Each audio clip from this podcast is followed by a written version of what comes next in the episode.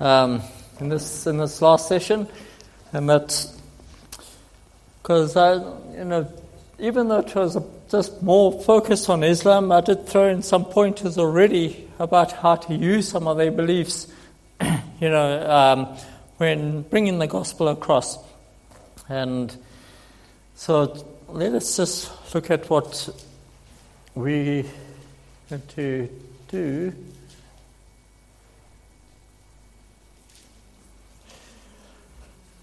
Pray, pray, pray for them. Pray with them. Um, so, the first thing to do when evangelizing Muslims is pray. Pray. What is prayer? Prayer is a declaration to say, Lord, I can't do it, I need you to do it. I can't reach a Muslim. I can have all that the knowledge, I can't reach a Muslim. I can't touch a Muslim's heart. I can't change a Muslim. I can't convert a Muslim. Only you can do it. Prayer is submission to God and saying, Lord, I submit to you for what you were going to do.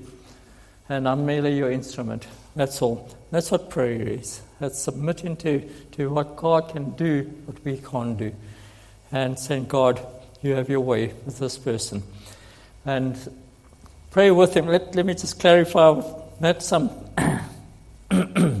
what I mean by that. What it first don't mean is we don't have a prayer meeting with the Muslims. Well, let's have a prayer meeting together. Hallelujah. You know, we just have a, the, the, the government general universal prayer. No, we don't do that. Okay? We, we Christians, we don't do the universal stuff. Um, we, we pr- when we pray, we pray in the name of Jesus. So if we pray, someone mentioned, you, you ask them, you know, is there an issue in your life? Is there, yes, they're sick or there's a problem, or can I pray with you for that? And you don't say, um, well, I will pray with you. I'll pray for you. You know, I'll go, go home and I'll, I'll keep in prayer. No, can I pray with you now?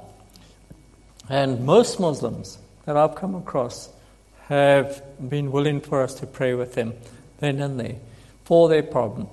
Remember, what is a Muslim? A person. And as a person, they have got issues in their lives generally, like most of us, there's something or another that we need prayer for. The only people we generally find that don't want prayer are the Somalis. Um, they don't want you to pray for them, they don't want to pray with them, and, but that's a different group altogether. The Somalis really, Lordim is full of Somalis, by the way. So if you're called to reach the Somalis, well, God bless you, it's a tough work, but a needed work. Somalis really do need the Lord, need the Lord by the way. Um, is anyone at the OM here? OM, um, Operational Mobilization. Last week there was an OM group and a new batch of mission, MDT, mission discipleship training, and there's an, a Somali believer on their, on their team, uh, you know, learning, going to, to missions. And that's awesome. And um, so God does work in the hardest of, of fields, but it's God's work. So, but besides that, don't be scared to pray for them. And I normally tell them that I'm a, I, when I pray, I pray in the name of Jesus. And so we don't shy away from that. We don't go universal. You don't do, you know, the government prayers um, and so on. Or, you know, we're not out to to, to please the woke community and, the, and all this and that. We, we had to please the Lord, and the Lord is pleased when you pray in His name. Okay? Muslims, Muslims aren't impressed by people who, um, who aren't assertive in their, in their faith because they are assertive in theirs. They know what they want to believe and they're assertive in their faith.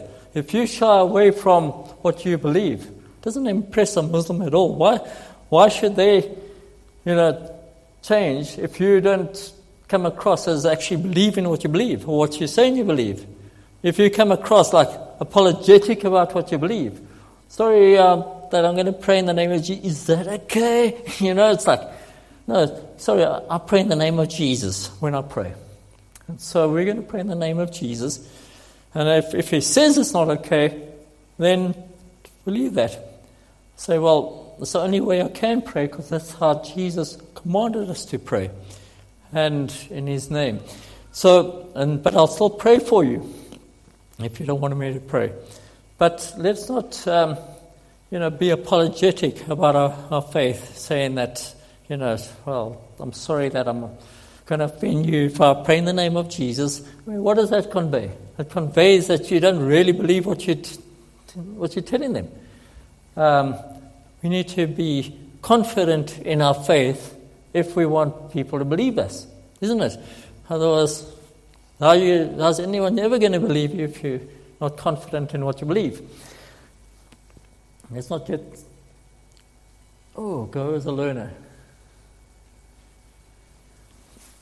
If you don't remember anything else on, on what to do, remember, remember this. Why? You know, well, you know, preachers are like, they like to preach. And sometimes what do we do when we're preaching? We completely miss the person.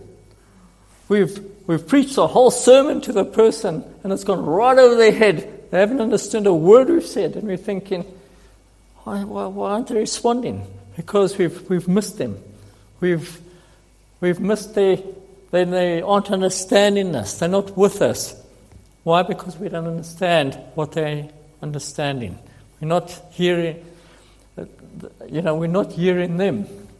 And sometimes listening to them opens, it gives us understanding of where they're at, and it also um, opens up their hearts because we've listened to them.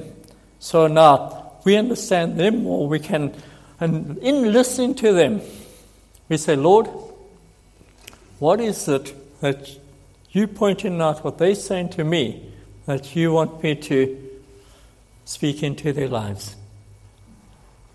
That, how do we know that they're issues to pray for? We go as a learner. If we're just going as a preacher, you know, have you ever thought of, well, the Lord has given us one mouth and two ears? You know, we need to listen twice as much as we speak if we want to be effective. But we don't like to listen, we like to speak and speak and speak, and we missing them. Um, just one example that I often use of what. No, that's fine. Yes. I,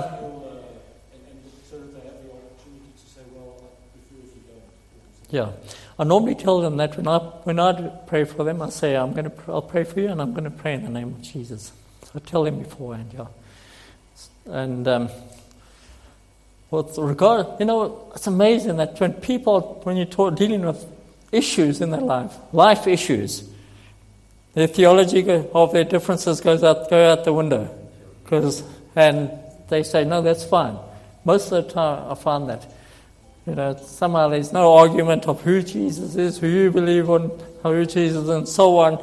It's yes, just pray for me, please. And um, so, um, one, one, one example. Uh, where was I? I can't remember where it was. I think it was in India. Was it in India? Yeah. A couple of us were went and we we evangelized in street evangelism. Came across some guys on the side of the road, and we uh, started preaching to them. And they patiently listened for quite some time until we finished. When we finished, they said, You know what? We've got a family crisis. We actually came out of the house to discuss the family crisis, how are we're going to deal with this. So if you could please excuse us so we can get on with that.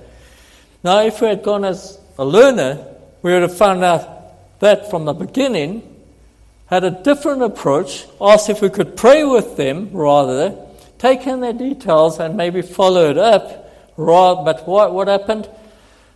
We went as preachers, and we had no idea what is. How much of that message you think they heard?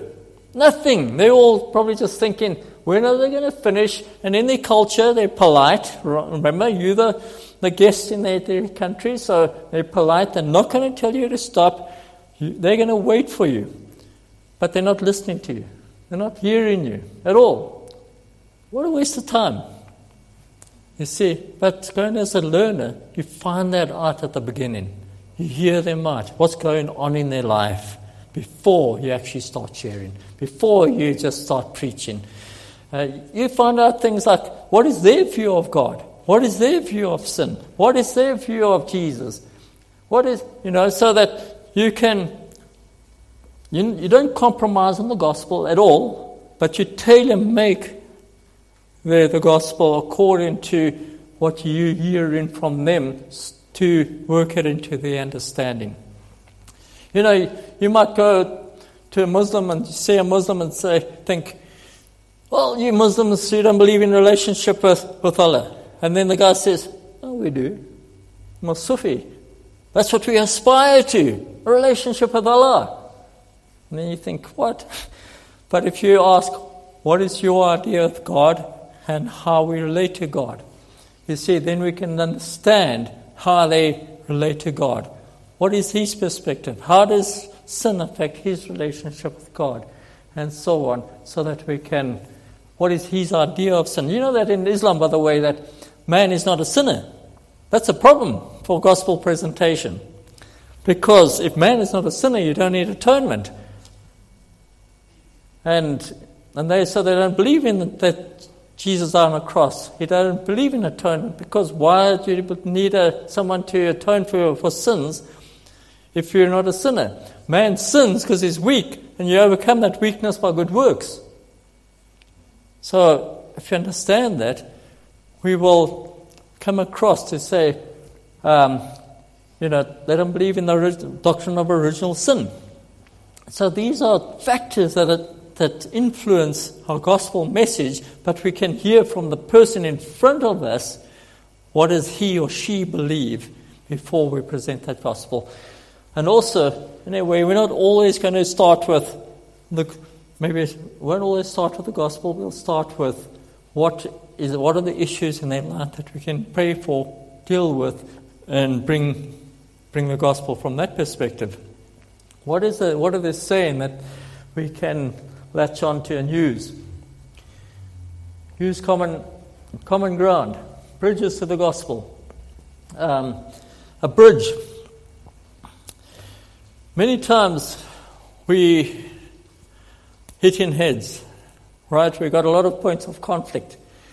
The bridge is a point, uh, is a point of contact where that even at least on the surface, there's the same belief. There's, and it you, your points of conflict, you have to get to those points of conflict. Muslims love you to stay on common ground. Why? Common ground doesn't, doesn't suit, it suits them perfectly, it doesn't suit us at all. Why is that? Common ground can be like we believe in one God, we're all humans, we we all believe in the virgin birth. We all believe in, in, the, in Mary. We all believe that Jesus is a prophet. We all believe in the Injil and the Torah and the Zabur, you know, um, and the prophets and so on. And we believe in angels. So a lot of common ground. So why, why doesn't it suit us to stay on the common ground? What are the points of conflict? I don't know if I'm going to talk about the points of conflict here. Um, but points of conflict, I'm going to just mention them. The main points of conflict. They believe that the, the Bible's been, been corrupt. Now, this is important because, because um, a lot of, most of the time they'll raise one of, one of these things at least. They believe that the Bible has been corrupted. And they believe that they don't believe in the Trinity, as I mentioned. God is not a Trinity. One plus one plus one can't equal one, is their argument. Okay, very weak argument. But nevertheless, Because we're not saying God is 1 plus 1 plus 1. And I really can't go into detail. I'm tempted to, but I have to refrain because of time to go into the detail of all these things. Um, Jesus, according to them, Jesus is not God. And he's merely a prophet. He's no more than a prophet. Jesus, they, don't believe in original sin. They don't believe that Jesus died on a cross. They don't believe in the doctrine of atonement. You remove those things from Christianity, what do you have left of Christianity? We don't have a faith. So, see how convenient it is for the Muslim to stay on common ground. Because the points of conflict are the points of the foundations of our faith, and those are the aspects of salvation. Without that, you don't have salvation. And that's why common ground is good, but we can't stick to common ground. That is merely the bridge to get to these points of conflict. But if you start with the points of conflict, that's what, that could be all that you have, is conflict all the time. And you're not, you don't, you don't progress. You have to work it in to the conversation or to the relationship. Remember, um, Friendship evangelism is very good, but it's also very bad. The problem with friendship evangelism, friendship evangelism, by the way, without evangelism is only friendship, it's not friendship evangelism. A lot of people have friendships with Muslims and they never actually share the gospel with those Muslims, which means uh, they not don't have friendship evangelism, they just have a good friendship with a Muslim, right? Friendship evangelism, by very definition, is that you bring the gospel to your friend who is a Muslim. And without the gospel, you've just got a friendship. And the problem and the, the weakness of friendship evangelism is that, that you, you build a friendship for so long that you then don't want to break the friendship and you're scared to share the gospel with them because you don't want to break the friendship now. And the gospel could do that. And that's the weakness of friendship evangelism. So sometimes direct evangelism is actually better in a sense of, of you, you break through and then you build a friendship off after that and you've already shared the gospel. Um, and then you still, still um, have breakthroughs. I, I, mentioned about the 99 names of God. Sorry, I'm just, um, you know, you guys, two hours is really so short for this. Eh? Okay, whoops, I missed out uh, one point there. There's uh, just some of the 99 names, just 20 of them. Um, I just put 28 so that you could see uh, um, some of them, so that you can see that a lot of them can be used as bridges. You can start a discussion on God bin Al Qudus, the Holy One. What do you mean by the Holy One? Or that um, the one, he's Al Ghafir, the, the one who forgives. You know, so how does he forgive? What is forgiveness in Islam? You know, wonderful. You, Islam has given us so many opportunities for the gospel. You know, if we could, we could just take them and we can start a discussion about any one of these names of God at any time with a, with a Muslim, and it would be a gospel opportunity. Isn't that awesome? I mean, isn't, isn't Islam so great that we, they've given us so many opportunities for the gospel? No, Islam isn't great. God is great. Uh, our God is great. okay, so I'm, I'm going to run through. I don't really want to run through this. I'll run through some of them. Okay, I don't have time to, to read the, the verses, but Jesus, according to Islam, is, um, is created from dust like Adam. This is not a bridge. Why is it not a bridge?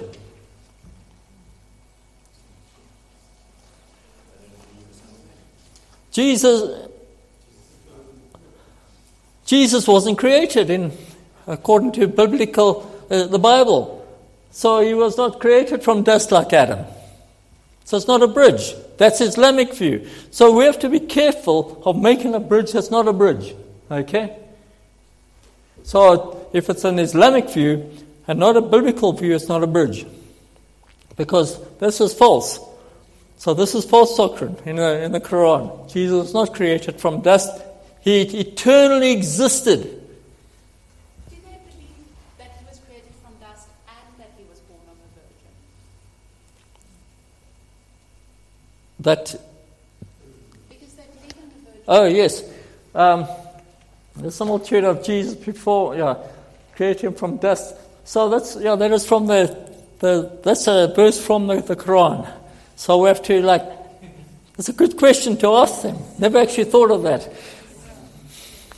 So next time you come to the mosque, by the way, if you, before I forget, so I have to say some things while it's in my mind, otherwise it's gone.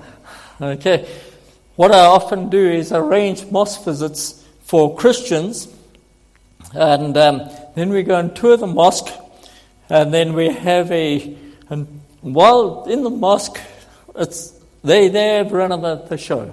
They talk about Islam and all that, but you have to just be patient with them. Then we have a meal with the Muslims afterwards where we sit interspersed, the ladies at a table and the men at a table, at other tables, and we have sit the Muslims, the Muslims and Christians seated interspersed, and that's our opportunity to share the gospel with the Muslims. And so, great opportunities. If you, I think our next one is the 29th of October, and you're welcome to if, be part of that. Um, I don't, I don't arrange them and set them up. Other organizations arrange, come to me, say, can we have a mosque visit, such and such a day? And then I put it together for them. I've, I've got a group of Muslims I work with, closely with, for that. So the, the Muslims, so we don't just you up at the mosque and say, yeah, we are joining you guys. No, they know that we're coming, they arrange it. Um, you have to come prepared because uh, the Muslims that normally bring are Muslims are strong in dawah. Dawah is Islamic propagation. So they don't normally don't just get their Muslim off the street uh, type of Muslim. They get Muslims who certainly strong in their faith, and some some of them, especially the ladies, very forceful. And the ladies tend to be more aggressive than the men. The men uh, tend to be more diplomatic, and um, which is might come, as a surprise to you. If it does, don't worry. It came to a big as a big surprise to me as well when we first started out that were these Muslim ladies are so forceful and pushing Islam. I mean, we weren't even seated yet, and they were like, you know, trying to um, get get our ladies to, to convert. And so, but it's a great opportunity in a prepared environment to be able to share the gospel with, with Muslims, and it's a, we have a great time. If you're interested, let me know, and I'll be happy to set it up for you. Jesus spoke from the cradle when he was a baby.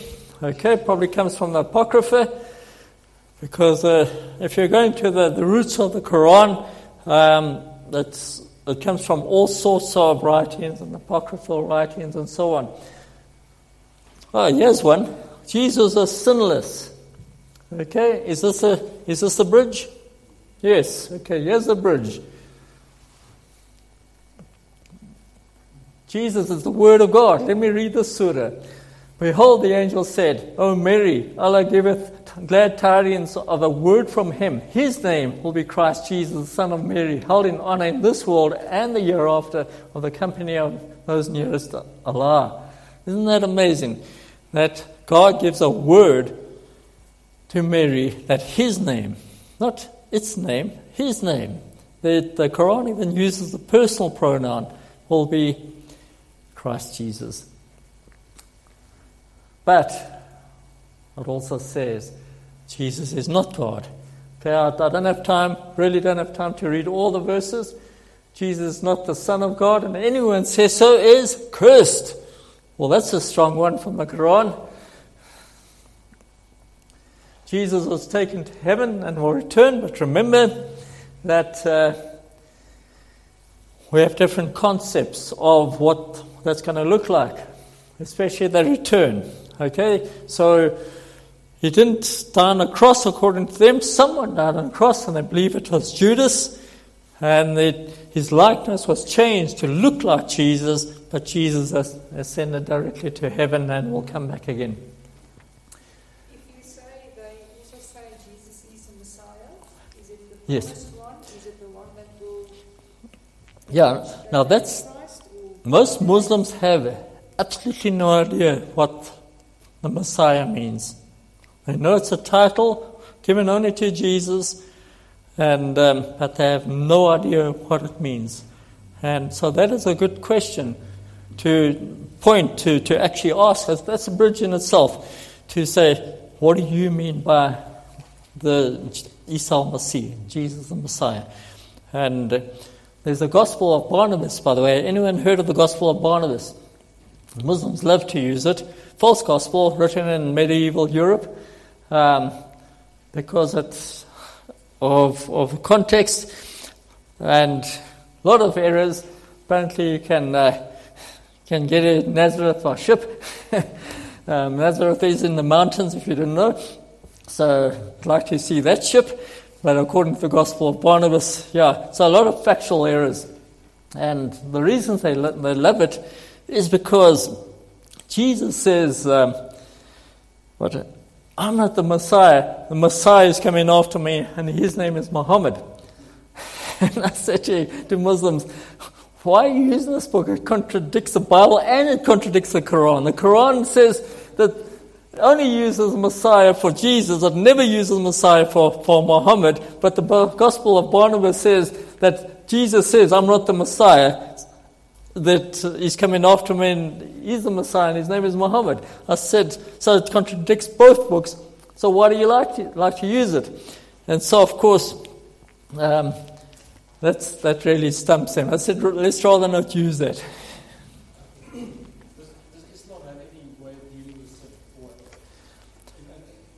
You t- Yeah, you don't need atonement. You just ask forgiveness, and God is, is merciful he's, and He forgives, and He'll forgive your sin, and you repent. so there's no need for, for sacrifice. No need for sacrifice. Their sacrifices are merely acts of obedience. Okay. Jesus did miracles. I'm not going to read it all. Look at this one. I have come to you to test the law which is before me. Now, this is Jesus speaking in the Quran in the context, and to make law, lawful to you part of what is before forbidden to you. I've come to you with a sign from the Lord. So fear Allah and obey me. Isn't that amazing that Jesus actually says in the Quran to fear Allah and obey Him? And uh, something that we can use. But on the other hand, Jesus didn't die on the cross. According, there's a surah there, I'm not going to read it. Okay, let's uh, not read that. Okay. So those are just some of the bridges we, we use. I'm not going to go into any more notes. Um, just a couple of things I'm going to mention is that you can tell stories. Yeah, I'm going to use one more note. so yeah, let's just skip over all that.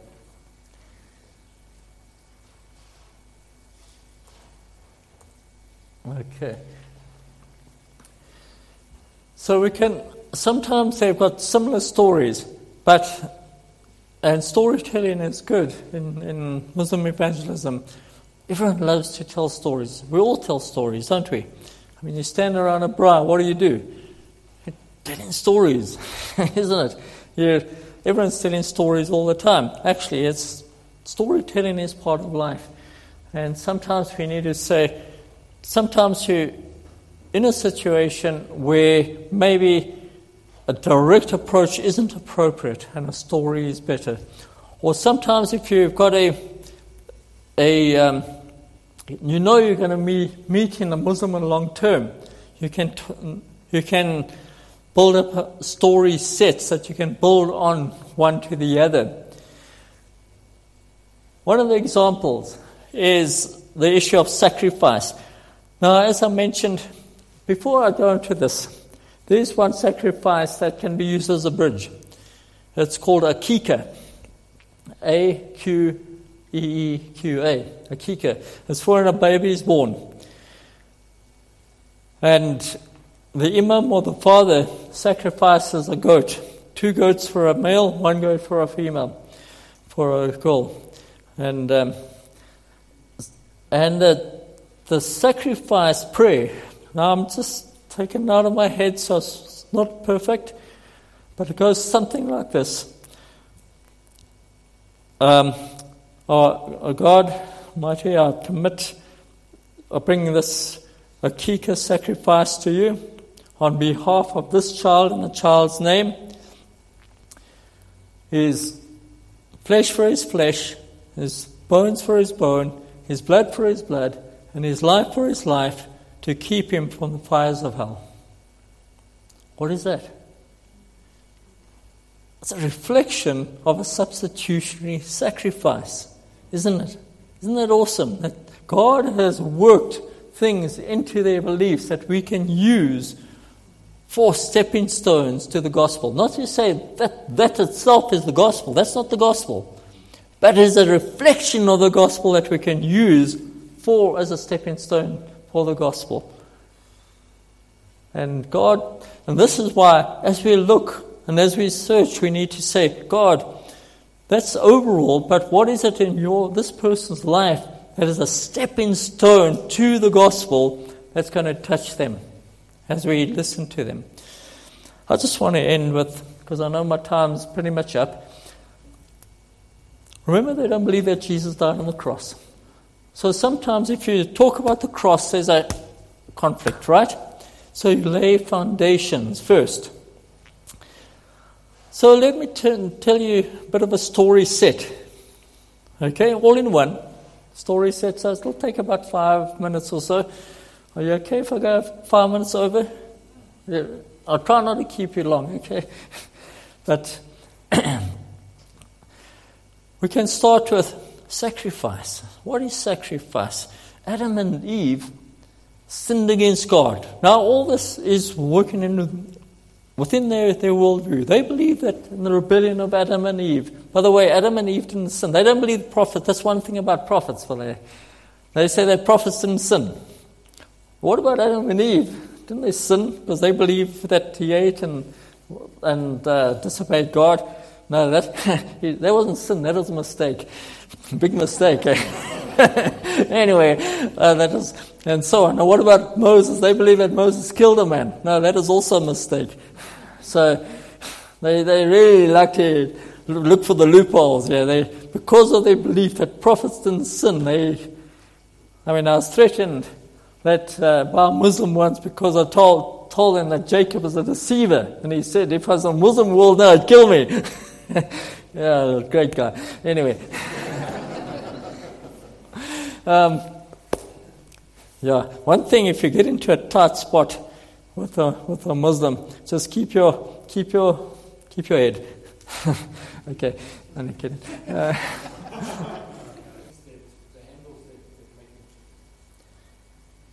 yeah, that's one. Of number of them have dreams, visions of of Jesus. That um, so that's been quite prominent in the Muslim world. So we need to pray for that, that God will reveal Himself to them directly, and when we come with the gospel, that they're already prepared. Um, others, they are just gospel stories of Jesus, seeing who Jesus is. Um, for many women, it would be who Jesus is to women and the way he treated women, like the women of the well. So our stories are so important because they see how many times in the Muslim world women, um, and it varies by the way, don't just say that all women, Muslim women are oppressed, okay? Um, I have a lot of, of Muslim women on my back um, saying they're certainly not oppressed. Well, yeah, in Laudium, because they're very strong and, and, and upfront and you know, don't tell us who if we are pressed or not. so um, they're very assertive. So, but in generally, there are a lot of Muslim women who are quite oppressed by the men, and so of course to see Jesus' attitude to women. So assurance, assurance of salvation as well, to be absolutely sure. These are things of, of offhand that I can think of what, why Muslims have come to faith, that, and uh, the peace that, that Christ gives that Islam doesn't actually give. You know, there's the big, well, peace comes through assurance. If you don't have assurance, how can you have peace? Okay, does that make some sense? Yes. So I was just thinking to add to that, perhaps I'm I'm thinking now, you can help me if I'm wrong, but perhaps another handle we can use it for that kind of thing, and, and then that's where atonement comes in. No, absolutely. And there are plenty of analogies that we can use. And um, yeah, even regarding the sinfulness, we, you know, a lot of people, a lot of them will say, "But overall, I'm, I'm a good person." So, of course, if you say, "Well, if we, I've got a plate of halal food," you know, halal is clean, but I take little one little speck of of pork, and I put it in. Will you eat it? No, because now it's. But hang on, let's say, but the, it's still like 99.9% halal. It's Still good. No, but I won't eat it because that little speck of pork has made the whole thing haram, unclean. I said, yes, exactly. So same with you before God. You might have a good life, but that little bit of sin in your life has made you completely unclean before God, and only Jesus can clean that. Does that also make sense to you?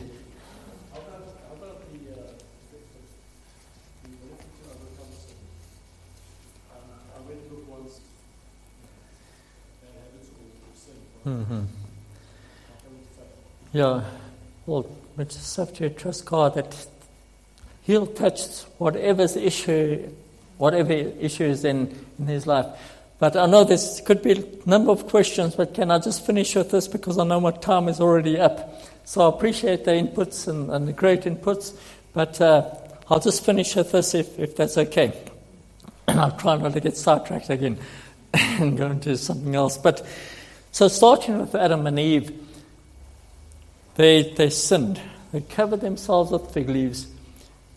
But God covered them, them with animal skins. The first sacrifice. Where did the animal skins come from? Doesn't, the Bible doesn't specify that there was sacrifice, but if there's animal skins, an animal must have died. The first sacrifice was a covering of shame. Because before they were naked and not ashamed, but when sin came in, they were shamed. Shame is a big thing in the Muslim world, by the way, not guilt. So sometimes we focus our gospel message on dealing with guilt. We need to focus on shame. Shame before God. Your, what you've done is, is shameful before God, and God covers it. And, okay, He covered Adam and Eve's shame with an animal skin. Many, many years later, the um, Abraham was told to go and sacrifice his son. I don't mention which son because if you say if you say Isaac, there will be a conflict. If you say Ishmael, it's not true. So you just say his son for this purpose. And he took his son up and he sacrificed him. But before he sacrificed him, God stopped him and said, I know that you fear God. And there in the bushes was a, a ram with its horn stuck in the bushes. And he took his son off the altar and he, and he sacrificed that ram in the place of his son. And that is the first substitutionary sacrifice. And then then the, the, the Israelites, many years later, the Israelites were taken into to Egypt. By the way, they believe all these stories, right? And they, they were in Egypt, in captivity in Egypt for over 400 years. And God sent a deliverer to deliver them from Egypt. And through, through Moses, God did many signs and wonders, but the last one, he said, sacrifice, get the people to sacrifice a lamb and put the blood of the lamb on the doorposts. And when the angel of death comes over Egypt, everyone in that household will be safe. Not according to your good works, your bad works, not according to who you are, what you've done, what you haven't done.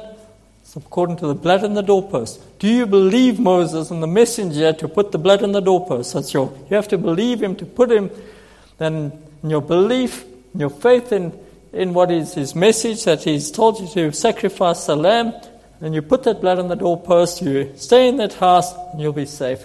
the sacrifice of the Passover of judgment. They were led out of Egypt, led through the Red Sea, which the Muslims believe, and they came to Sinai, which the Muslims also believe about Sinai. Then they had another sacrifice. What is that? The sacrifice of atonement. And where God told Moses to get the priests to bring two, two goats. The one goat, the priest must lay his hands on the, the head of the goat or on, and then send it away as the scapegoat into the wilderness, signifying the, the taking away of the sins of the community. The other one, he sacrifices, and through that blood shed, there's forgiveness of sins and reconciliation with God. The sacrifice of forgiveness and reconciliation and the removal of sin. Many years later, there came a prophet, and his name was Yahya, John the Baptist. Well, you realize that the Baptists are the only ones with the prophet, eh? Okay, kidding. um, so, here's Yahya, John, and he, and he says, uh, before John. So the, the angel comes to, to Mary, but it is actually to Joseph. But Mary, let's say Mary and Joseph, and he says, You'll have a son and you'll name him Jesus because he'll take away the sins of his people. And I like to ask them, where does the name Jesus come from? It comes from Yeshua. God is salvation. Why did God Himself give him the name Jesus, which means God is salvation and that He'll take away the sins of the people? Yeah, God Himself is telling, giving the very purpose for reason for Jesus coming and being born. And then three years later, John, John comes and John says, sees Jesus and says, Look, the Lamb of God who takes away the sins of the world. And now we say, but let's go back and look at the reason and how they did this. Why Jesus is Savior takes away the sins of the world. Why John, a prophet, would say of Jesus, He takes away the sins of the world. Let us see again what Jesus did on the cross. Now only we bring in the cross. You see, Jesus is a fulfillment of the sacrifice that took away our shame of brought in by Adam and Eve. He was a substitutionary sacrifice that died for our sins. He died for our sins. He is the first substitutionary sacrifice as with, with Abraham and his son. He was the Passover of judgment that judgment was brought on him. That judgment is passes over us when we believe in him because of his blood shed on the on the, on the cross. He was the atoning sacrifice that takes away the sin, that in his blood we have forgiveness of sins and reconcil- reconciliation with the Father. And that's why Jesus died on the cross for your sins and my sins. Amen. God bless you.